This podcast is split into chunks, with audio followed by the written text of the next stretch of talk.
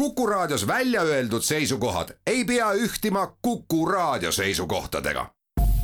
Te kuulate Kuku Raadiot.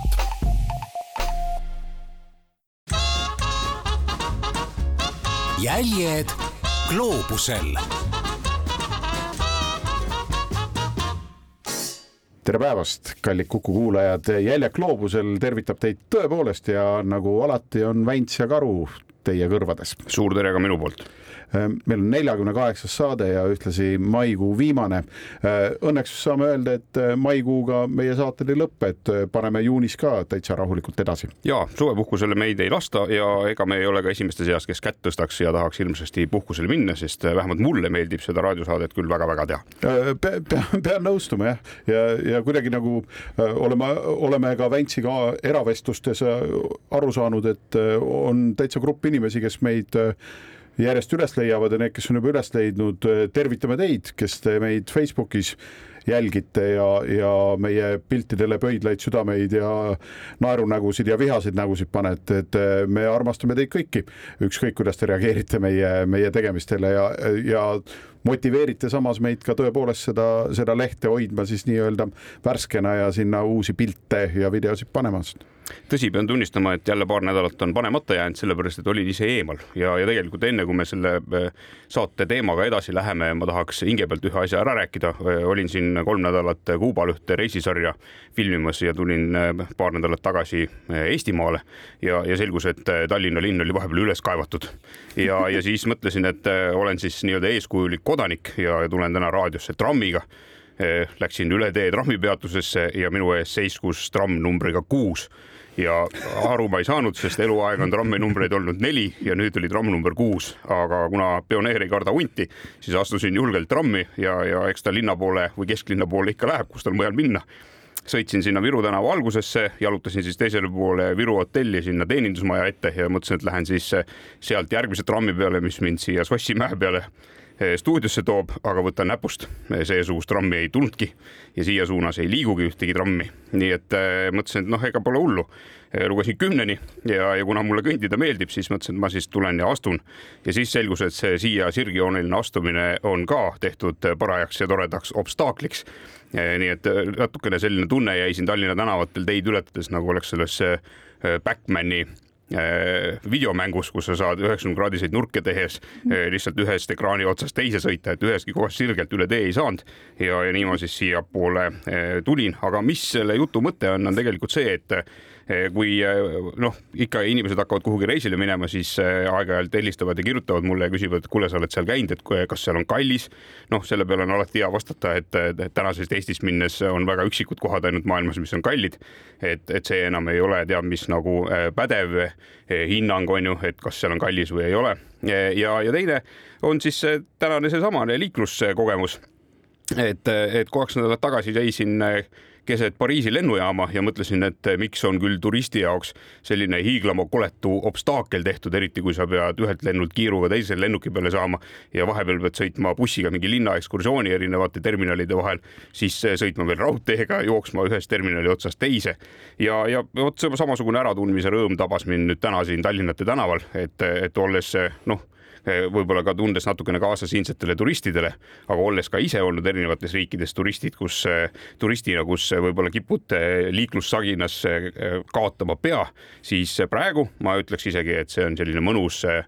maailmamatka ja treeninglaager, see Tallinna linn, nii et eh, kes tahab. Eh, minge vaatama tulge vaatama ja et, et tulge ja, ja saage nii-öelda eh, tugevust endale hinge, et siis maailma erinevaid obstaakleid ette võtta. ja see on tõesti ja nii tore on ka Kuku nagu hommikustes saadetes nagu, kus heidetakse pilt peale ka, ka, ka noh, linnaliiklusele, kus ummikud nagu tekivad, siis nagu noh, mingeid asju ei tasu enam korrata nagu noh, vahepeal noh, kordamist tasub ainult see, et kuulge, aga päriselt ärge tulge kesklinna autoga, et noh, ise pärast olete enda peale pahased, et ja kõigi teiste peale ka ja maailma peale, et noh, kui te just väga zen ei ole, siis ärge tulge. aga jah, ma saan aru, et tavaliselt, kui sa reisil käid, siis muidugi selliste takistuste puhul sul on ju lihtne valik, sa sõidad lihtsalt neist takistustest üle või läbi. et siis seetõttu tõesti noh, siin paraku võib selle eest saada ka korraliku koslepi nii-öelda ja trahvi ja nii, nii edasi. ja teine asi, ma vabandan äh, Tallink äh, hotellgrupi ees, et Väints, teie hotelli teenindajad teenindusmajaks endiselt nimetab, et selle eest andke, andke talle andeks, tegemist on nelikümmend pluss mehega. ja me tegelikult ei räägi täna Eestist ei räägi ja, ja kui mina tulin Kuubalt tagasi paar nädalat tagasi, siis sinu reis lõppes äh, just nimelt eile, eile, eile, on ju, ja, ja oled värskete uute tippudega tagasi sellisest põnevast riigist nagu Liibanon. Äh, nii juhtus jah, et äh, ma kuidagi, Liibanon on mul mõtetes olnud tegelikult ammu, et maailmas ringi käies äh, ma, ma tihti kasutan sellist võimalust, et äh, ööbin äh, küll üheses toas tavaliselt või siis noh, oma matkakaaslastega koos on ju eraldi natukene. noh, selles mõttes eraldi, et teistest reisijatest küll eraldi ruumides, mitte ühikaruumides, aga ikkagi hostelites, sest seal liigub kõige rohkem infot, liigub kõige rohkem selliseid sarnaseid inimesi sulle, kes, kes on hea meelega valmis tegema samasuguseid asju, mis ei maksa eriti palju ja uurivad välja kõik kohad, kust, kust on võimalik õlut saada ilusti ka pärast kella kümmet nii-öelda ja, ja, ja et ku, millise noh, vulkaani sees olevasse järve homme saab kolme dollari eest bussiga kohale ujuma minna, on ju, terveks päevaks ja sama raha eest veel tagasi ka, on ju. ja nii edasi ja siis äh, nendel kohtumistel mul, mul on kuidagi nagu väikeste niisuguste pooleaastaste ja paariaastaste ja aastaste vahedega alati on keegi inimene, kes on rääkinud seda, et vot, et vot ma käisin Liibanonis ja mine pekki, kuidas ma tahan sinna tagasi minna. ja mis seal salata, niisugused jutud jäävad meelde ja siis, kui, kui ma olen proovinud nagu aru saada, et mis on, mis on need nagu põhjused, miks nad sellest räägivad, siis nad esimene asi, mis nad ütlevad, et see on, see on nii ilus kahe käega nõus, noh, äh, ta on täpselt, äh, Liibanon asub ju nii-öelda noh, Vahemere idapoolses otsas, ütleme siis nõnda, et naabreid on neil kaks nad ise ütlevad, et neil on üks naaber küll, eh, noh, tegelikult on kaks, et on Süüria ja eh, Iisrael on ju. kumbki nad... mingi väga lihtsa kõlaga ei ole, on ju. Nad ise ütlevad, et noh, samas järjekorras Süüria ja Iisrael, nad ütlevad, et meil on üks halb naaber ja üks vaenlane ütlevad selle kohta ja, ja nii ta on, on ju, ja siis siis nende nende pealinnas Beirutis ärgates tegelikult sul on hommikul põhimõtteliselt võimalik valida, kuna see riik ei ole väga suur, on ju, siis äh, sa hommikul ärgates võid valida, et kas see on see päev, kus sa lähed ajalooga tutvuma, teed mingi tiiru või see on see päev, kus sa sõidad äh, mägedesse ja noh, maikuus on äh, mägede ülemistel tippudel veel küllalt ka lund näiteks, et sa võid isegi minna maikuus sinna suusatama põhimõtteliselt. või sa lähed hoopis mingisse kolmandasse kanti ja vaatad, kuidas no juba pooleksotilised juur- või puuviljak kuskil kasvavad või lähed sukelduma Vahemerre või mis iganes, et on niisugune paljude, paljude võimalustega, võimalustega riik. Ja seetõttu ta oli nagu tiksunud mul päris pikalt, aga samas noh, mäletame ju kõik, on ju, et et äh, ei, ei ole palju aega möödas sellest, kui seal, seal meie ju jalgratturid mõnusasti ära rööviti, eks ole, aastal kaks tuhat üksteist oli see ja ja olles ka lugenud kahte raamatut selle kohta, siis natukene tekitas seda, et ahah, et äh, okei okay,, et me päris Pekaoru kõrval äh, liiga lähedal nii-öelda see, see kõrgem tipp ei ole, on ju, aga et kui sinna minna, et siis oled siiski noh, suht äh, nii-öelda ei millegi keskel kus siis ka pahadel on hea liikuda, et kas võib niisugune inimröövi oht ähvardada või mitte. PK org on sealt näha, Süüria ka eemal on näha, et, et kõik need jutud olid nagu üsna niisuguseks äh, kergelt nagu ärevaks ikkagi teinud, just see ka, et hästi palju Süüria põgenikke on tulnud tänu Süüria on ju sõjale ja siis natuke aega tagasi oli ju veel ka Türgi-Süüria ühine suur maavärin, pärast mida jälle tuli järgmine laine neid, kes põgenevad nagu äh, noh, Süüriast lihtsalt ära üle piiri ja kõige loogilisem valik on neil Liibanon, on ju. ja, ja seetõttu noh, sellist ärevat tunnet oli tegelikult üsna palju, aga sain sellest üle, leidsin ka sellise toreda sõbra Leho Valmase, kes oli valmis äh, kaasa tulema iga kell ja, ja siis ostsimegi piletid ja, ja, ja lihtsalt etteruttavalt ütlen ära, et me tegelikult külastasime kahte riiki, et me kõigepealt lendasime siis Liibanoni ja kui olime seal natukene aega mütanud, siis sealt edasi lendasime Katari ehk siis Dohasse ja Dohas siis lendasime lennuga tagasi siis mõnusasti paari vahemaandumisega Eestisse. ma tahtsingi seda küsida, Liibanon iseenesest, kõik sa rääkisid, kõik on ilus, kõik sul on, kus kohas see informatsioon ja, ja see mõte kõik sinna minne, minekuks on, on tekkinud, aga, aga kuidasmoodi seal kohapeal on, noh, et, et ütleme siit tõepoolest distantsilt vaadates ei, ei tundu see nagu regioonina maailma kõige rahulikum koht on ju, kuigi nad ise näiteks ütlevad seda, et majandus majanduse alalt teisel kohal on turism, mis taas siitpoolt vaadates kõlab nagu veidi kuidagi selline noh, veidi veider on ju, et kas see, see turistide hulk selles riigis on siis tõepoolest nii palju suur või, või tundsid ennast pigem sellise üksiku luigena seal äh,? nii ja naa, noh, Beirutis ei ole mingit küsimust, seal on nagu äh, neid äh, turiste ikka liigub ja noh, me, me võtsime täiesti rahulikult ka sellise, sellise suuna, et me ööbime rahulikult hotellis, mis on suht äh, pealinna keskel. no see, see ei maksa palju, meie, ma ei tea,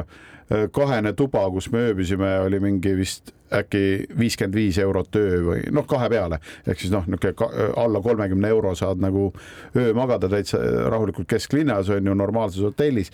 et äh, me võtsime selle suuna ja loomulikult hotellis sa näed äh, nagu teisi turiste ka. olgem ausad, mingitest lähiriikidest äh, olevate turistide kohta me tihti muidugi ei tea ka, et me võime neid pidada samamoodi liibanonlasteks on ju, et, et võib-olla kõiki ma ei tundnud ära, liiga palju neid ei ole, me siiski eristusime, näha on seda, et peale igasuguseid jamasid, mis neil on olnud, noh äh, alusta, alustades sellest, et noh, viimaste aastate jooksul on käinud üks väga kõva pauk ja on olnud rahutusi ja ja, ja, ja nii edasi, on ju, et siis, siis noh, et tegelikult selle kohta, et see, see on igal juhul nagu mõju avaldanud, aga räägime sellest mõne hetke pärast edasi. jäljed gloobusel nõnda, raadiokuulaja, paus on läbi, tähtsad teated on ära kuulatud ja stuudios on ikka Karu ja Vänts ja kui te meiega olete nüüd alles praegusel hetkel liitunud, siis saate nimi on Jäljed gloobusel ja sel korral teeme jälgi sellisesse riiki nagu Liibanon ja et siit nüüd selle riigi juurde edasi minna, siis ole hea, räägi seda, mismoodi Eesti inimene üldse Liibanoni saab, et kas on vaja teha endale mingisugune viisa, kas on vaja midagi süstida, kas on vaja võtta mingisuguseid spetsiaalseid dokumente kaasa ja milliseid templeid ei tohi passis olla selle jaoks, et Liibanoni piirist üle saada? noh, eh, palju kergem, kui, kui võib arvata, et eh, nii palju ütlen ka ära, et lennuk lennuki me võtsime algusega Helsingist, sest Helsingist äh, tore lennufirma nimega Pegasus lendab läbi Istanbuli, noh, ta on Türgi lennufirma, mitte nii kuulus kui nende rahvuslik lennufirma. Äh, odavlennufirma alla minev ikkagi Pegasus lendab siis mõnusasti läbi Istanbuli sinna kohale äh, muretsema ei pea, kõik on vinks-vonks. me uurisime siis selle viisavärki ja kõike muud enne ka ja seal, seal saime siis natukene erinevat informatsiooni, nii et me olime valmis rohkemaks, kui oleks pidanud olema. Sellest saime kohe aru, et vaktsiine nagu eraldi ei pea mitte midagi tegema, et täpselt need, mis noh, põhimõtteliselt võid minna nullvaktsiiniga, keegi mitte midagi ei kontrolli, selle koha pealt pole midagi vaja kaasa võtta. aga meie saime aru, et noh, viisa saab nagu piirilt äh, alguses ja selleks eeldused on, et sa, sul peab olema ette näidata suht tavalised asjad, et sul on hotelli broneering olemas et sul on olemas äh, tagasisõidupilet või siis edasisõidu Liibanonist edasisõidupilet. Need mõlemad meil äh, olid mõnusasti olemas ja alguses me saime äh, veel sellised vihjed ka, et peab olema dokument, et sinu noh, umbes nagu ka Lõuna-Aafrika Vabariigis näiteks on, et sul peab olema esitatud dokument, et vot ma töötan selles firmas ja mind oodatakse sinna tagasi ehk siis, et ma ei tule teile siia Liibanoni inimeste tööd ära võtma. minu meelest elevandiluu rannikuga oli samasugune lugu. jah, just ja seetõttu eh, noh, eh, kuna, kuna väga raske on seletada, on ju, et, et sa oled FIE on ju, et siis nagu noh, sellega oli üksjagu tegemist on ju, et minu, minul vabakutselisena on ju, et noh, kirjutada, et ma olen vabakutseline ja ma ise ootan ennast tagasi tööle, et see nagu nende jaoks võiks jääda suht arusaamatuks, nii et selles suhtes eh, kutsun üles ka teisi, et kui teil sellist probleemi nagu on, et noh ega kui see paber on olemas ja mingigi tempel seal all, mis võib olla eestikeelne, siis eh, noh, ärge väga pabistage. ma täitsa kutsun üles inimesi võltsingutele siinkohal, et sellistes olukordades, et eh, seal, kui, kui natuke, kui samas, kui teil on tööandja, siis loomulikult eh, ei ole keeruline talt küsida ingliskeelsed paberid, nende põhjad on tegelikult olemas internetis, võtad põhja, paned, täidad lüngad ära ja, ja viskad, ma ei tea, iseenda allkirja alla või, või siis päris tööandja allkirja alla. Ja nad tahavad siis seda kinnitust lihtsalt, et sa jah ei tule nende tööd ära võtma. ja, ja need kõik paberid meil olid olemas ja siis me ah,, ja siis, et veel kuue kuu panga väljavõte, aga seda me ei hakanud tegema või kolme kuu vist. seda me ei hakanud tegema, sest oli see, et me kahe, leidsime, et kahe peale meil on juba noh, ma ei tea, mingi krediitkaarte on neli erinevat on ju umbes, pluss veel debetkaardid on ju, et me võime noh, nende nähes vajaliku summa välja võtta umbes nagu lähimast automaadist, et me sellepärast ei muretsenud ja tegelikult ei läinud vaja. tegelikult äh, ka vahetult enne reisi avastasime, et et enam seda töökoha kinnitust, et sa sinna tagasi lähed, ei ole ka vaja, et tegelikult kaks ainukest asja, kui sa maandud Beirutis, siis eh, seal sa saad riiki suure tere tulemast, kui sul on olemas eh, hotelli broneering ja edasi või tagasi lennupilet on ju, et sa ei jää sinna riiki ja siis on juba kõik eh, vinks-vonks. kas hotelli broneeringust piisas üheks ööks või pidi kogu perioodiks olema? kusjuures väga hea küsimus, sest me tegimegi alguses tegime kaheks ööks, aga me jäime rohkemaks Liibanoni ja, ja siis, kui selle peale öeldi, et oi, et teil on noh, booking'u reserveering on ju välja prinditud ilusti, välja prinditud asjad neile meeldivad, selle ütlen ka vahele ära. ja siis, et oot, et oota, booking'u reserveering, teil on kaks ööd siin, aga te olete ju äralend on ju vot sel ja sel kuupäeval ja siis ma, ma täitsa rahulikult ütlesingi, et ja et me need kaks ööd me oleme ära, et me vaatame, et me ei tea veel, et millisesse hotelli ja mis linna me satume. Ja see, see täiesti neid rahuldas, nii et äh, ei pannud keegi kätt ette ja, ja ainukene, mis siis passi puhul, kui sa sinna jõuad, et noh, see, et kuus kuud peab kehtima veel äh, peale reisi lõppu see pass ja seal ei tohi olla siis ühtegi märget, et sa oled kunagi kasvõi mõelnud selle peale, et külastada Iisraeli, sest äh, nagu te mäletate, neil on üks halb naaber äh, vaikselt Süüria ja, ja teiseks teiseks neil on siis äh, üks vaenlane, kellega on ühine piir Iisrael nime, nimetamata ja, ja tõesti sellega tuleb arvestada ja, ja õnneks muidugi Iisraelis käies, kes on käinud, äh, siis teavad, et äh, ega seal ei lööda passi sulle ka ühtegi templit ega viisat ega mitte midagi. sest nad teavad, et sellega võib olla teistes riikides probleeme ahah, eh, no sa ütlesid, et sa eh, kinnitasid neile, et sa täpselt ei tea, millisesse eh, linna ja millisesse hotelli te parasjagu seal edasi tahate minna. no üleliia palju Liibanonis tõenäoliselt ringi käia ei saa, sest tegemist on imepisikese riigiga, umbes neli korda väiksem kui Eesti, oma kümne tuhande neljasaja viiekümne kahe ruutkilomeetriga. aga selle eest kindla peale kohtub seal hästi paljude inimestega, sest selle väikese pinna peale on elama sattunud enam-vähem noh, umbes sihuke viis koma kolm miljonit inimest, mis teeb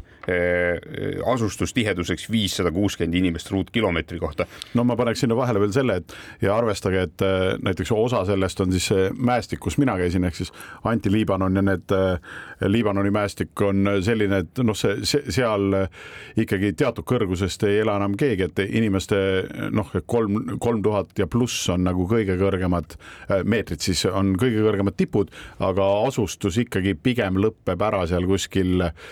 noh, ütleme nõnda kahe tuhande kahesaja, kolmesaja peal, nii et noh, et päris üleval keegi ei ela ja seal üleval seda pinda on üsna palju, nii et tegelikult on see rahvas veel noh, nagu veel Eestis on soo- ja Eestis on soode tõttu nad äh, mõndadest piirkondadest välja surutud, seal on mägede tõttu siis mõned piirkonnad tegelikult täiesti tühjad veel ka. räägib nii. ja, aga, aga inimesi tegelikult kohtab küll ja neid liigub palju ja, ja ja, ja neid on nagu igal pool, et selles mõttes ei, ei ei mäleta küll selliseid hetki, kus oleks saanud nagu väga inimestevabalt nagu liikuda, aga see ei ole probleem, sest nad on äär, äärmiselt sümpaatsed. ja kõige rohkem äh, inimesi loomulikult näeb pealinnas Beirutis, sest neid on seal ikka. vist üks koma kaheksa miljonit on. just nimelt, et ikka miljoni linnaga on tegemist, ta on küll seal Vahemere äh, ääres nagu, ta laiub päris pikal nagu ribal ja tegelikult see ei ole niisugune üks kontsentreeritud koht, et seal on ka omad edukate linnaosad ja omad niisugused vanamoodi linnaosad. see linn on võtnud ka teistsugust kuju, noh, seal on hästi palju tühjasid maju ka, sellepärast et äh, väga paljud äh, majad jäid tühjaks, kui oli, oli siis see, see, see tugev plahvatus, mis siis mul läks see aastaarv läks meelest ära, et mis aastal see toimus, aga noh, see, see, see, selle kohta öeldi niimoodi, et selle plahvatuse, sadamas toimunud plahvatuse mõjul siis äh, kolmsada tuhat inimest nagu lahkus oma kodust ja, ja, ja osad neist noh, küll väga väike osa said surma, sest surma sai selles plahvatuses niisugune kakssada inimest, aga natuke peale, aga lahkuti siis äh, sellel põhjusel, et ei tuntud ennast enam turvalisena ja väga paljud neist ei olegi tagasi tulnud siiamaani ja nende majad on tühjad, nende ärid on noh, aknad on kinni löödud, noh, ütleme siis aknaraamide ees on mingid vineerid, sest klaase seal ei ole. noh, ütleme niimoodi, et klaasiärikatel peale plahvatust läks ikka vahepeal läks nagu hullult hästi, sellepärast et kõik äh, hakkasid taastama oma purunenud aknaid. vana hea plastikaataken jah, noh, see, see on ju ka olemas ja täiesti ju äh, noh, siin, siin meie kandis on ju see normaalne, et on, kui on nagu mingi niisugune ohtlikum koht või mingi nii-öelda varjendi moodi teema, et siis, siis võetaksegi see, see klaas, mis ei lähe päris kildudeks, on ju, plastikklaas nii-öelda, et see ja siis äh, siis seal paraku neid, neid väga ei armastata, ikka meeldib neile see päris klaas. missugune see keelekeskkond on, mis keeles seal hakkama saab, ma saan aru, et tegemist on ju ikkagi ütleme araabia maaga ja, ja mingisugune osa on seal tõenäoliselt ka prantsuse keelt rääkivaid inimesi, sellepärast et kakskümmend aastat selle riigi ajaloost on nad siis kuulunud Prantsusmaa alla siis tuhande üheksasaja kahekümne kuuendast kuni tuhande üheksasaja neljakümne kuuenda aastani. et, et kas inglise keelega sai seal hakkama või, või mis, mis, missuguses Äh, nii-öelda keeleseades te ise olite? Äh, inglise keelega saab väga hästi hakkama, et seal on äh, just nagu sa ütlesid, et on ka sellised piirkonnad olemas, kus nad tahavad nagu rohkem rääkida prantsuse keeles ja, ja ma sain aru, et see on ka mingi selline nagu natukene jälle nagu see mäng, et prantsuse keelega nad nagu äh, need, kes eh, räägivad prantsuse keeles, need tihti on nagu niisugused edukamad inimesed, kes natukene üritavad nagu distantseeruda või näidata, et oh, me oleme fa-fa-fa, me oleme siin on ju, et me oleme siin on ju natukene kõvemad tüübid kui teised on ju ja, ja ja kohalike silmis eh, kohati see neil õnnestub, kohati see tekitab sellist, et nojah, need on need fa-fa-fa tüübid on ju, noh, umbes sellist suhet, aga inglise keelt jah, üllatavalt palju oskavad, kuigi noh, ametlikult on neil jah, see araabia keel, aga ta on ju Liibanon on tegelikult nagu ta on nii multikulti, kui nagu üldse olla saab, et seal on ju juba ammusel ajal põgenesid noh, et nad ise ei kutsugi ennast nagu araablasteks, et nad ikkagi noh, nad kutsuvad oma teiste nagu selle piirkonna nagu äh, suurte rahvaste ajalooliste nagu järeltulijateks onju, aga äh, nad ju kunagi pakkusid, ma ei tea, mingi, seal oli orkus, mille asustasid täiesti armeenlased, kes põgenesid, on ju, tagakiusamiste ees kunagi. Äh, si-, sinna, sinna on tulnud nagu igalt poolt väga palju, väga palju rahvast, on ju, et noh, et väga-väga äh, palju moslemeid, äh, kristlust aktsepteeritakse täiega. ja viiskümmend seitse protsenti elanikkonnast on moslemid ja kolmkümmend kuus protsenti kristlased. No, mahuvad sinna kõik ilusasti ära ja seitse protsenti on siis mingid salapärased truusid. Jah, ja truusid on jah, need on, truusid on jah, selles suhtes pullid, et nad on äh,, nendest võib isegi natukene pikemalt rääkida, ma ütlen, mulle nagu meeldis see, et ma ei, ma ei mäleta, kumba pidi see oli, et moslemite põhigrupid ehk siis suiidid ja suiidid ja sunniidid on ju, et ühed olid niimoodi, et vot nemad on noh, näiteks on natuke radikaalsemad kui teised maailmas elavad nagu näiteks sunniidid. Ja vot need teised olid, et nemad on nagu liberaalsemad kui ülejäänud maailmas elavad, need isegi selliseid vastu noh, heas mõttes vastuolusid leiab sealt. me oleme hetke pärast kohe Liibanoni juttudega tagasi. jäljed gloobusel tere tagasi, Jäljed gloobusel jätkab ja enne kui me pausile läksime, jõudsime me sellise põneva teema juurde nagu eh, Liibanonis eh, olevad erinevad religioonid nojah, eh, kordame siis üle ja täpsustame ilusti. šiiite on siis kolmkümmend viis protsenti rahvastikust, sunniite on kakskümmend kaks protsenti ja truuse on seitse protsenti ning kristlasi kolmkümmend kuus. ehk siis ütleme, et šiiite ja kristlasi on eh, enam-vähem juba ühepalju. Eh, neist kõige võib-olla kõrvale võõramalt kõlavad on ju truusid ja see seitse protsenti, noh, neid väga palju ei ole, võiks ju öelda, aga noh, Liibanonis on neid eh, võrreldes ülejäänud rahvaga isegi palju, vot truusid on nõnda, et noh, võiks siis öelda, et nad on ikkagi nagu moslemiusulised, aga veidikene oma mingite reeglitega ja neil on mingid kujunenud ja neid on mõjutanud äh, erinevad, ma ei tea, noh, erinevad nii-öelda usundi tõlgendajad ja nad on leidnud niisuguse täiesti mingi oma tee ja mulle, ma ei ole selles sügav nagu spetsialist, mis nad täpselt usuvad ja kuidas, aga näiteks mulle jäi meelde niisugune huvitav fakt, et äh, näiteks kui, kui nad on nagu lapsed ja noored, siis neil lastakse olla nagu ole, kuidas tahad. et sa pead kõigepealt üldse saama küpseks ja nad nii-öelda hoiavad seda truuside saladust, et kus, et neile seda lahti seletama hakatakse ikkagi siis, kui sa oled juba mitte lihtsalt ainult täisealine, vaid ma ei mäleta, kas see oli kolmkümmend viis või nelikümmend sa pead olema, et alles siis sulle räägitakse. no mõistus nagu, on pähe jõudnud. jah, nii-öelda, et, et sa ei rapsi enam, on ju, ja, ja sind võib usaldada juba ja, ja sa saad asjadest nagu paremini aru. nii et eh, jah, et nemad, nemad on seal ka nagu vahvasti, vahvasti esindatud ja, ja kuigi neil on, eks neil neid nagistamisi on ja eks iga, iga mingi aja tagant jõutakse ju jälle seal mingi sõjategevuseni ja noh, nende kodusõda ju kestis nagu tohutult kümnendeid ja see kõik, seal, seal ongi nagu huvitav see, et noh, kodusõjast on nagu tõesti nagu noh, stiilis nagu noh, ma ei tea, algusest on nagu ma ei tea, stiilis viiskümmend aastat möödas, aga no umbes siiamaani on linna keskel üks hotell, suur hotell, millel on aknad tühjad, kuuliaugud on, on näha, et kus katusel oli mingi, ma ei tea, kuulipildur, et seal ümber on neid noh, lahti lastud betoonitükke on ju rohkem näha. Ja siis kõik aknad on tühjad, seda kasutatakse sõjaväebaasina ja, ja see on seisnud seal jah, tõesti niisugune viiskümmend aastat nõnda, keset linna seisab suur ilma akendeta niisugune koloss ja, ja teda ei ole kunagi hotellina kasutatud, sest ta napilt umbes sai valmis ja siis kohe, kohe tuli nagu kodusõda peale ja hakati omavahel äh, arveid klaarima. Ja noh, nii, nii ta ongi, et noh, vahepeal on kristlased pahased kellegi peale ja vahepeal on moslemid pahased ja siis nad hakkavad sõdima ja lisaks neil on ju noh, sellesama äh, naaber Iisraeliga on ju ka kogu aeg jagelemist, meie, meie taksojuht oli hästi niisugune tore vend, kes meid äh, nagu sõidutas vahepeal, tema, tema kaudu me kõige rohkem ka neid kohalikke lugusid kuulsime, siis tema rääkis seda ka, et noh, et et noh, et vot, et seal ähm, Iisrael, et need vahel lähevad hulluks ja saadavad, ma ei tea, laevad merele ja siis need pommitavad jälle mingit piirkonda ja ja vahel tuleb õhi, õhuvägi ja paneb paar pauku jälle ja ja et need lähevad täitsa hulluks ja siis ma küsin, no et aga miks nad hulluks lähevad? Ei no lihtsalt noh, meil poisid võtsid paar nende piirivalvurit võtsid nagu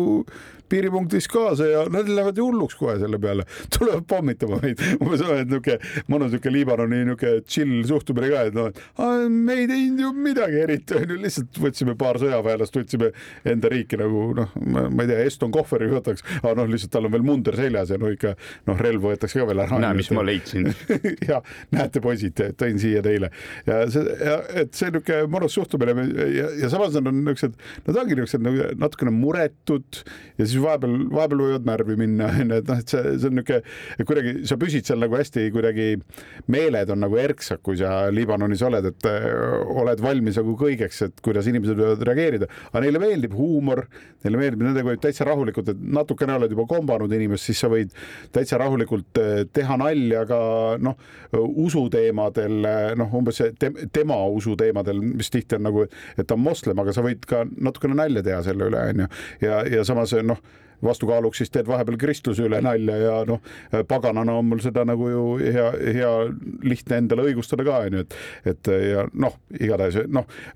mina ise ei suuda ühtegi usundit tõsiselt võtta, kes enda üle naerda ei suuda, nii et noh, selle koha pealt ma olen endale selle ära põhjendanud vähemalt. aga jah, et tema, tema kaudu jah, me saime neid, neid infosid ja see noh, ta ütles, et noh, tegelikult on see ajalooliselt ka nõnda, et noh, et kogu aeg on seal, on õitsenguaegu ja siis on jälle mingi madalseis ja kus äh, sõditakse üksteise vastu, sest kunagi nad olid ju veel osa ju väga suurest riigist on ju, et noh, nad on ju kõikide nende Osmanite riigi. ja esimese maailmasõjani olid nad osa Osmanite riigist ja mm, -hmm. ja siis äh, fanfaaride saatel siis kahekümne kuuendal aastal tulid prantslased, lõid lipu maasse, ütlesid, nii, nüüd on, nüüd on sedamoodi teiega siin. jah, jah, aga siis jah, et nende niisugune selline, kuidagi samas on see suhtumine hästi terve ja, ja noh, kui, kui me, me muidugi selle suure plahvatuse kahe tuhande kahekümnenda aasta plahvatusest, sellest ikkagi ei saa nagu mööda, sest noh, Liibanon on viimasel ajal ikka nagu valusalt pihta saanud, et neil olid kaks tuhat üheksateist toimusid seal mingid rahutused, mis olid nagu sellepärast, et noh, keegi kuskil jälle löödi maha, onju, ja siis tuldi tänavatele, peksti kõik segamini ja siis jälle paljud äripidajad, noh, ka nüüd on ju noh, Covid veel tuli vahele on ju, siis ei olnud üldse mõtet midagi nagu taastada. et nad, nad ei julge sinna tagasi minna, sest nad kardavad, et noh, tulevad jälle, nemad teevad oma elutöö on ju, panevad ühte poodi nagu tihti sellistel araablastel nagu kombeks on, et noh, vot, et minu isa juba pidas siin on ju saapaparandust, siis hakkasin mina pidama ja nii põlvest põlve on käinud ja siis üheks, ühel hetkel on see, et noh, mingi sa võid olla ka suurema mingi grupi nagu osa oma kinga, kingaparandusega, aga noh, et see on ikka selline tore ja sinu pere asi on ju, ja siis tuleb keegi ja siis lihtsalt eh, noh, kaheteist minutiga hävitab sinu elutöö, on ju, et nad, neil on kuidagi valus sinna tagasi tulla ja siis, siis tuli see kahe tuhande kahekümnenda aasta on ju plahvatus, Covid ja no niisugused kõik halvad asjad nagu on järjest tulnud, mis tähendab, et see, et nende teine sissetulekuallikas riigile ehk siis turism loomulikult on täiesti kokku tõmmanud, mille üks muidugi hea, hea pool sellele, et kes praegu sinna läheb, on see, et eh, kõik asjad on nagu ülisoodsad ja nad väga ootavad, sa oled väga teretulnud. Nad on hästi külalislahked, nad on ka sellised, kes eh, noh eh, ta võib olla kordades nii-öelda väiksema sissetulekuga kui sina, onju, aga ikkagi pigem tekib selline olukord, et tema annab sulle rohkem kui sina talle, on ju, et see on täitsa tavapärane. mitte, mitte, et nad ei oleks seda kaupmeheverd ja kaotanud, et noh, vahepeal sa jälle maksad mõne asjaga kinni nagu noh tema sugulaste hea käekäigu ka onju ja, ja sa teed selle rõõmuga, sest sa tahad nagu vahepeal sinna panustada jah enne kui me sind laseme nüüd mäe otsa, mis on tõenäoliselt ka põhjus, miks sa sinna Liibanoni üldse eh, läksid, siis eh, ma küsin sellist asja, kui palju seal turistina teha on, kui palju seal midagi vaadata on? noh, seal on näiteks selline tore linn nagu eh, Byblos, mida siis loetakse maailma vanimate järjestikult asustatud linnade hulka, on ju, et seal viis tuhat aastat enne, enne Kristust juba, juba elu käis ja sellest ajast alates on, on ju. ja, ja siis nad ise reklaamivad ennast, et neil on väga uhked suusakuurortid, neil on väga ilusaid liivarandasid, on ju. siis on kõige hinnatum Vahemere köök, on ju, et igalt poolt justkui nagu midagi jõuab sinna kokku, et kui palju sa turistina seal neid erinevat poolt ja erinevaid selle riigi külgi nii-öelda tunda saad? no selle, mul oli see õnn oli küll, et me ei olnud küll pikalt, meil on viis päeva ainult seal ja noh, vahepeal tuli mäes käia, sellega me kaotasime terve, terve päeva sealt veel ära, aga meil Piibloses õnnestus käia. Piiblos on, kui kaardi peale panna, siis Beirutist põhja pool Vahemere rannikul ja ühtlasi siis äh, Tripolist äh, lõuna pool jääb kahe, kahe suure linna vahele ja Biblos on tõesti, seal on päris palju sellist mitme tuhande aasta tagust inf-, noh, taristut veel alles. et see, see, seda on tore näha, aga ta, ta oli siis ma sain aru, et noh, nende sadam oli üks oluline paik, sest sinna sadamasse, noh, kui kellelgi on võimalik, guugeldage Liibanoni lipp lippu, eks ju, kellel ei tule ette noh, punane ja valge värv ja siis äh, seal äh, nii valge, osa peal on Mingi selline, äh, just seeder on ju, et seedermänd ja siis, et see seedripuu on seal ja, ja kunagi see Piiblase sadamgi peamiselt tekkis sellepärast, et roomlased tulid nii-öelda metsa maha võtma. Ja siis mägedest alla oli see Piiblase sadam oli siis kõige otsem koht, kuhu see puit veeti. noh, need seedri mina nägin kõige vanem puu, mis oli, oli niisugune viie tuhande aasta vanune. ehk siis see on ikka noh, tohutu suured ja, ja väga nagu kõva ja hea puit, mille pärast oligi hinnatud, sest roomlased tulid suurte laevadega ja viisid puid ära, et ehitada veel paremaid laevu oma laevastikku, sest ta oli tugev ja vastupidav. ja, ja see sadama koht on jah, siiamaani ja isegi sadama rajatised, osad on nagu alles. Piblos on praegusel tänapäeval niisugune turismilinnak, aga seal on seda vana hõngu ja neid vanu müüre ja kõike seda, et seda on päris palju säilinud ja selle üks põhjus on see, et roomlased noh, nagu tead, et ega tühja sõitu, tühisõit on noh, raha raiskamine on ju, et samal ajal kui nad pui, viisid siis seedripuitu välja, siis nad tõid ka niisuguseid korralikke kivikamakaid tõid asemele, millest siis sedasama sadamat siis ehitati, kindlustati ja seal maju ka. ehk siis tänu sellele on Piiblos alles ja kahjuks tänu sellele on siis need seedripuumetsad peaaegu hävitatud, aga nüüd nad tegelevad tublisti ka nende taastamisega. nii et äh, seal mäekülgedel, mis natukene on tühjad, siis on näha niisuguseid noori taimi järjest peale tulemas juba paarikümne aasta vanused viie aasta vanused, viiekümne aasta vanused, nii et ühel hetkel on seal jälle ilus seedrimets, aga aeg teha üks väikene paus ja siis oleme jälle Liibanoni juttudega tagasi. jäljed gloobusel nõnna, Kuku kuulaja, paus on jälle läbi saanud ja nüüdseks on saanud selgeks ka, et sellesse saatesse me kogu Liibanoni teemaga ära ei mahu. nii et me siit jätkame oma jutustamist ja siis no järgmisel nädalal seletame jälle Liibanoni jutte edasi, nii palju kui meil neid Liibanoni jutte on, sest minu isikliku, minu jaoks isiklikult see Liibanon tundub küll erakordselt eh, huvitav koht. Ja, ja võib-olla just tänu sellele, et tegelikult see, see kuvand, mida sina siin räägid, eh, ei, ei, ei ühti mitte mingit moodi selle kuvandiga, mis mul on enda peas eh, selle riigi kohta loodud. Hästi-hästi nõus jah, et tõepoolest sellest isegi noh, nagu ma rõhutan üle, et ma, ma olin koos sõber Lehoga, olime seal viis päeva ainult ja see oli nagu esimesest hetkest alates oli ta kuidagi nagu tore, ta oli teistmoodi, kõik need aistingud ja värgid, et, et see, mida me korduvalt erinevate riikidega oleme rääkinud, et, et sa lähed sinna selle tundega, et noh, tõenäoliselt mingid häirekellad hakkavad mingil hetkel lööma, et mingil hetkel sa tunned, et ahaa, ma pean siit ära minema, sest muidu läheb jamaks. Äh, hetkekski noh, täielik pettumus selle koha pealt, et noh, hetkekski ei olnud nagu seda tunnet, et nüüd keegi vaatab meid nagu mingi väga kehvasti või keegi plaanib midagi halba, absoluutselt mitte hetkekski. ja me, me käisime ikkagi suht vabalt ringi, me käisime vabalt ringi ka pimedas, noh, Beirutis just eriti ja, ja, ja mingit sellist, sellist probleemi või seda, seda tunnet nagu kordagi ei tekkinud. Äh, piiblase juurde tagasi hüpates oli see, et sa küsisid ka eelmises lõigus, et kuidas et seal rek reklaamivad oma randasid. Ja et nende rannad on äh, rannad on tõesti ilusad ja neil osad neist äh, ilusamatest randadest on muidugi nagu ütleme siis niimoodi, et nagu vaesematele riikidele omane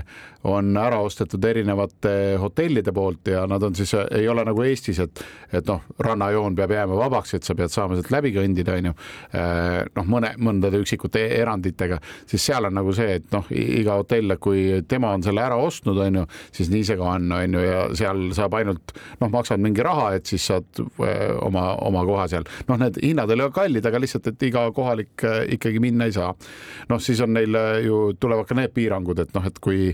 kui, kui rääkida nagu avalikus rannas ujumisest, siis sa ikkagi näed seal põhim-, põhimõtteliselt ainult mehi ja mõndasid üksikuid siis äh, turiste naisi on ju, kes seal äh, siis lebotavad, sest äh, kohalikud naised siiski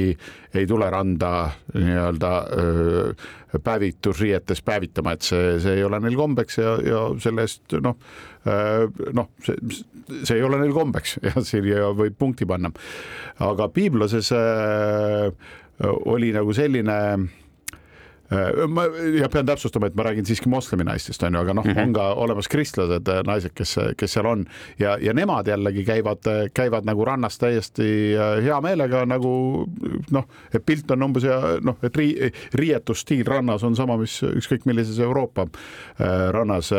Vahemere sellele otsale omaselt ja üldse Vahemerele omaselt ja Läänemerest erinevalt siis äh, vesi läheb sügavaks järsult, mis tähendab, et lained murduvad hästi, need lained on suuremad. Äh, vesi on loomulikult soe, praegusel ajal seal oli selline, me vaatasime, et kui me lendasime, et noh, et on niisugune kakskümmend kolm kraadi seal sooja. tegelikult seal maikuu keskel äh, mere ääres oli ikkagi tublisti rohkem, nii et meie jaoks ikkagi natukene liiga palav, aga sai hakkama ja rannas muidugi sul on alati võimalus vette minna ja see on tore. kusjuures seal Piibluse rannas oli üks üks tore asi, et jõudsime kohale, kõndisime seal, võtsime, võtsime varbad paljaks ja kõndisime kiviklibul ja tundsime, et jalad-allad ei ole äh, paljalt käimisega enam väga hästi harjunud, et tuleb neid jälle harjutada. Ja siis äh, mingi varikatus, mille alla läksime, et äh, lihtsalt mina tahtsin nagu riided ära vahetada, et ujuma minna, siis kohe tuli mingi mingi kohalik mees tuli, Amir oli tema nimi, Amir tuli noh, et noh, niisuguse vigases eesti keele või, või selles inglise keeles, et tere, et mis, ma mõtlesin, et sa, et et äh, kuidas läheb? siis me ütlesime väga hästi, kuidas sul läheb. Äh, ei ole viga, et ma siin ootan, ootan, et siin äh, homme saame kohviku lahti teha, et siis oi, siis läheb elu, et siin paar päeva veel ja siis nagu sa liiva ei näe siin rannas on ju, ainult kõik on, kõik on nagu inimesi täis on ju ja et noh, natukene veel, et hooaeg läheb kohe-kohe lahti ja siin kõik joogid on olemas ja kõik värgid ja siis ütles, et ja, ja tulge siia betooni peal, siin saad puhta jalaga vahetada endale riided ära ja siis juba, et aa, näe, ma magan ise siin nende varjualuste hunniku peal ja, ja mul on siin madrats, et sa võid siia nuka taha tulla, et siin saad rahulikult endal ujumispüksi jalga panna ja, ja kuulge, et aga teeme siis väikse viski või? siis niisugune, et miks mitte, on ju, ja juba lippas sõbra juurde ja tuli tagasi äh, klaasiga, milles oli viski ja, ja kuus tükki jääd umbes ja, ja, ja lõbusalt uuris meie kohta ja see, see mitte noh, selle iva ei ole nagu see, et nüüd tuli üks vend ja pakkus meile alkoholi, vaid ja kellega me võtsime väikse napsu, vaid see, see kuidagi iseloomustas nagu neid kõiki teisi lähenemisi ka, et millest ma enne põgusalt nagu rääkisin, et nad on hästi niisugused äh, andjad. Äh, neile väga meeldivad külalised, et noh, niisugused, et kui sa kuskil satud kontakti, noh, eks nad on sellised, et sa alguses nagu võib-olla ei julge, onju, eks need mehed on nagu ütleme, Eesti mehed on tõsise näoga, aga ne, tihti moslemi mehed võivad tunduda veel rohkem tõsise näoga, onju, et sa ei julge neile läheneda. aga kui sa juba lähened, siis nad, nad on ikka ülisõbralikud, äh, teevad sinuga nalja, naeratavad ja ja, ja aitavad sind, kuidas iganes nad saavad ja tutvustavad sulle ümbrust ja ajalugu ja kõike muud, räägivad lugusid ja see, see on üliarmas no meie jaoks oli jaanuaris väga suur äh, avastus ja, ja, ja üllatus see, et Iraagis Bagdadis oli tänavate viisi alkoholipoode. Äh, kuidasmoodi Liibanoniga on, et seal ka ütleme, pool rahvastikust on ikkagi moslemid, kes äh, alkoholist peaksid suure kaarega mööda käima. kas, kas seda oli ka kohapeal kuidagi tajuda ähm,? Nad on jälle vot sellised, eks selle alkoholist möödakäimisega on ka moslemitel nagu äh, no ongi väga e, erinevaid riike pidi ikka väga erinevalt on ju, et noh, et me, me võime mingeid noh, eks, eks meie turistidena oleme neid ka ju rikkunud siin aastakümneid juba, et kui ja aastasadu mõne, mõndades riikides, et noh, et kas no et kas nad Egiptuses ei võta või kas nad Marokos ei võta nagu napsu moslemid, noh, paljud ikkagi võtavad. Või noh, mis noh, minu reisi teine pool Doha on ju, et noh kui neile võimalus anda, eks nad ikka võtavad, sest eh, noh, ma ei tea, noh, Dohas näiteks oli see, see näide, et nad ehitasid sinna oma Veneetsia ka ju, on ju, sest noh, neil endal ajalooga napib natukene, et siis nad tegid oma Veneetsia sinna ja siis panid eh, sinna baaridesse, et on niisugune eripiirkond, et seal paneme siis nagu napsu ka, et võid napsu osta nendes baarides ja, ja mõne aja pärast pandi see kinni, aga mitte sellepärast, et oleks nagu tulnud turistide hordid ja seal lällama hakanud, vaid äh, kohalikud äh, kat-, Katari mehed ise ei saanud alkoholiga hakkama, et jõid paar klaasi veini ja kukkusid äh, noh, rääkima noh, nende omanduses olevatele miljonitele tuli üks null taha, onju, onju, või kaks või kuus, onju, ja siis, et läksid väga kõvadeks meesteks, kuigi nad on ka paljud, aga läksid veel kõvemateks. Ja, ja samamoodi nagu Liibanonis on see, et eks nad paljud ikka vaikselt võtavad ja sa näed ka kuskil baarides on nagu see, kus äh, istuvadki täiesti kohalikud, äh, näha, et noh, ikkagi konservatiivsemalt riides, aga nad niisuguse väikse teevad või nagu see, et noh, see, see on üsna, üsna tavapärane. siis äh, pahedest rääkides ma peaks ütlema, et ma vist nii palju suitsetavaid naisterahvaid, kui nägin Liibanonis ähm,. Ähm, ma vist, no kui tuua mingi Euroopa võrdlus, siis võib-olla niisugune Hispaania ja Taani on niisugused võrdväärsed, kus ka tohutult paljud naised suitsetavad, onju. et siis äh, see, see kuidagi hakkas silma, et hästi paljud ja Liibanonis loomulikult äh, on endiselt lubatud igal pool suitsetada, nii et sul on nagu noh, eh, sees või väljas istud restoranis, noh, mõne üksiku erandiga, aga on ikkagi see, et noh, iga inimese juures on praktiliselt tuhatoos, sest nad teavad, et noh, kõik suitsetavad. nii et meie siis kaheksa, kes kumbki ei suitseta, on ju, et siis meil oli nagu kogu aeg, et laua peale tekkis ruumi juurde, sest me alati need tuhatoosid kuhugi saatsime ära. ja, ja, ja siis jah, niisugune noh, liibanonlaste hulgas äh, tänu meie nii-öelda ütleme siis turistide koolitusele on äh, väga ilusti arenenud välja ka see, et äh, nad, nad ikkagi arvestavad sellega, et noh, et kui ma olen pimedas ruumis umbes või noh, siseruumis kuskil, et siis on ju katus peal, et sealt ju läbi ei näe, et ma võtan siin väikse napsu. et noh, tänaval ei võta, aga siseruumides noh, väikse võime teha küll jah, umbes, et seda suhtumist on, on neil päris palju mis, mis ei tähenda seda, et nad eh, ei oleks ikkagi nagu tõsised usklikud et seda, seda, seda, seda ikkagi on ka, et üks ei välista teist. Aga meil, ma vaatasin rumala peaga, heitsin pilgu kellale ja sain aru, et, et ega ei olegi pääsu, et praegu hakkab eh, esimene saade Liibanonist läbi saama, sest lihtsalt aeg saab otsa, uut eh, teemat pole mõtet sisse tuua. me siis juunit alustame Liibanoni jätkuga, räägime, räägime edasi, sest me kindlasti on vaja rääkida ju nende kõrgemast tipust, on, me ei ole saanud eriti rääkida nende toidust veel ja neid teemasid on veel ja veel ja inimestest üldse, et millised nad veel on ja mis mulje nad jätsid ja, ja sellest kõigest saame rääkida juba nädala aja pärast. aga siia saate lõppu ma tegelikult tahaks küsida seda, et kui ma küsisin su käest, kuidas Eesti inimene sinna saab, siis sa ütlesid, et sa eh, lendasid Pegasusega eh, hoopis Helsingist sinna. kuidasmoodi sa otsid neid oma lennupileteid ja, ja neid lennusuundasid, on sul mingisugused omad nipid, mida siin kuulajate ja, ja miks mitte ka minuga jagada? tegelikult liiga palju ei ole, et ma pean pettumuse valmistama, et ma olen viimasel ajal suht olnud niisugune Skyscanner ja mis on Momondo või ja mingid need, need üsna tavalised otsingumootorid ja siis vahel nagu võib juhtuda, et kui satub nagu mingi reisidiilidest tuleb see, et, et lihtsalt, et mingi, mingi reis kuhugi on tohutult odav, siis ma, kui mul on vaba hetk, et siis ma vahel kasutan ka seda, aga ei muud keemiat siin ei ole, et mulle mingeid otsekanaleid ja salajasi paiku ei ole, et lihtsalt hoian silmad lahti ja ma olen vabakutseline, nii et kui on vaba aeg, siis ma lihtsalt saan endale selles mõttes rohkem lubada reise. aga sihtpunktina eh, sa siis eh, lööd sisse pigem on ju Tallinn, Riia ja Helsingi või, või on sul mingisuguseid selliseid stardipunkte veel? Äh, vaatan ka Stockholmi vahel, äh, aga kaugemalt enam mitte, kunagi oli seal rivis ka Moskva, kuid äh, loomulikult seda enam seal ei ole. aitäh kuulajatele, vaadake Facebooki ka, paneme sinna pilte ja nädala pärast jätkame Liibanoni jutte, siin olid Väints ja Karu. ja püsige avarad. jäljed gloobusel